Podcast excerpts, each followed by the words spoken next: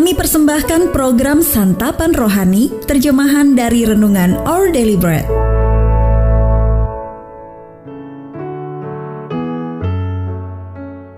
Sahabat ODB, pembacaan Alkitab hari ini terambil dari kejadian pasal yang ke-39 ayat yang ke-11 sampai dengan ayat yang ke-23.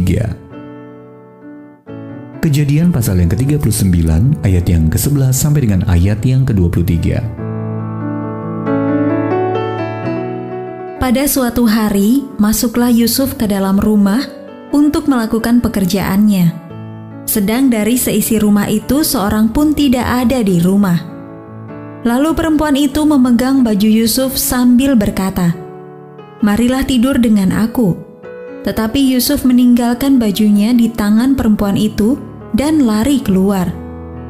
Ketika dilihat perempuan itu bahwa Yusuf meninggalkan bajunya dalam tangannya, dan telah lari keluar, dipanggilnyalah seisi rumah itu, lalu katanya kepada mereka, Lihat, dibawanya kemari seorang Ibrani supaya orang ini dapat mempermainkan kita. Orang ini mendekati aku untuk tidur dengan aku, tetapi aku berteriak-teriak dengan suara keras. Dan ketika didengarnya bahwa aku berteriak sekeras-kerasnya, ditinggalkannya lah bajunya padaku, lalu ia lari keluar. Juga ditaruhnya baju Yusuf itu di sisinya sampai tuan rumah pulang. Perkataan itu jugalah yang diceritakan perempuan itu kepada Potifar, katanya, Hamba orang Ibrani yang kau bawa kemari itu datang kepadaku untuk mempermainkan aku. Tetapi ketika aku berteriak sekeras-kerasnya, Ditinggalkannya bajunya padaku, lalu ia lari keluar. Baru saja didengar oleh tuannya perkataan yang diceritakan istrinya kepadanya. Begini begitulah aku diperlakukan oleh hambamu itu. Maka bangkitlah amarahnya. Lalu Yusuf ditangkap oleh tuannya dan dimasukkan ke dalam penjara, tempat tahanan-tahanan raja dikurung Demikianlah Yusuf dipenjarakan di sana. Tetapi Tuhan menyertai Yusuf dan melimpahkan kasih setianya kepadanya dan membuat Yusuf kesayangan bagi kepala penjara itu. Sebab itu kepala penjara mempercayakan semua tahanan dalam penjara itu kepada Yusuf.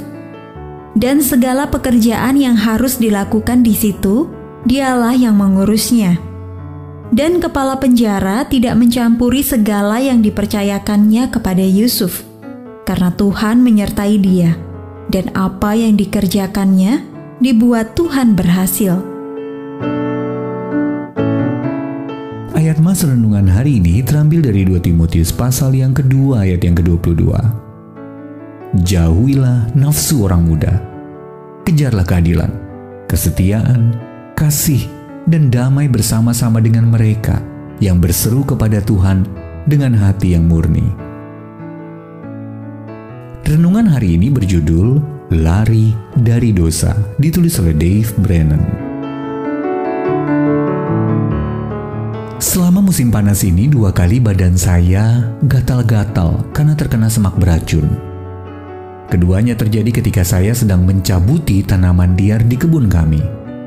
Dua kali itu juga saya sudah melihat tumbuhan berdaun tiga yang beracun tersebut mengintai di dekat saya. Saya kira dapat mendekati tanaman itu tanpa terkena racunnya, namun ternyata dugaan saya salah. Daripada berusaha mendekati tumbuhan kecil beracun itu, seharusnya saya langsung lari jauh-jauh. Dalam kisah Yusuf di Perjanjian Lama, kita melihat contoh dari prinsip lari menjauhi sesuatu yang lebih jahat daripada semak beracun yaitu dosa. Ketika Yusuf tinggal di rumah Potifar, seorang pegawai istana, istri Potifar mencoba merayunya. Alih-alih mendekat, Yusuf memilih untuk lari, menjauh. Meski wanita itu melontarkan tuduhan palsu yang membuatnya di penjara, Yusuf tetap mempertahankan kemurniannya sepanjang peristiwa tersebut. Kita membaca dalam Kejadian pasal 39 ayat 21. Tuhan menyertai Yusuf. Allah dapat menolong kita menjauhi kegiatan dan keadaan yang dapat membawa kita menjauh darinya. Dia melakukannya dengan mendesak kita untuk lari ke arah yang berlawanan ketika dosa mendekat. Rasul Paulus menulis di 2 Timotius pasal yang kedua ayat yang ke-22. Jauhilah nafsu orang muda. Dan 1 Korintus pasal 6 ayat yang ke-18. Jauhkanlah dirimu dari percabulan. Dalam kekuatan Allah kiranya kita memilih untuk lari dari hal-hal yang dapat mencelakakan kita. Sahabat ODB, apa semak beracun yang Anda hadapi?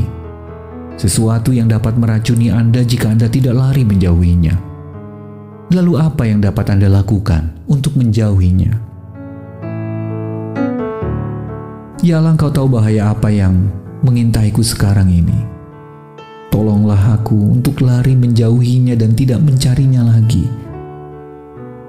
Berilah aku keberanian dan hikmat untuk mencegah apa pun mengambil tempat di antara kita.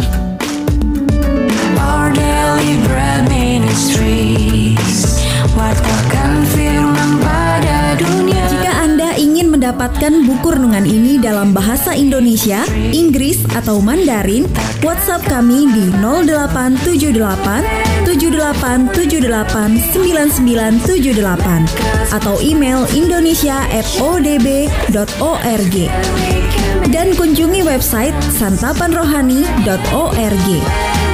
Persembahan kasih dari Anda memampukan Our Deliberate Ministries menjangkau orang-orang agar diubahkan. Tuhan memberkati.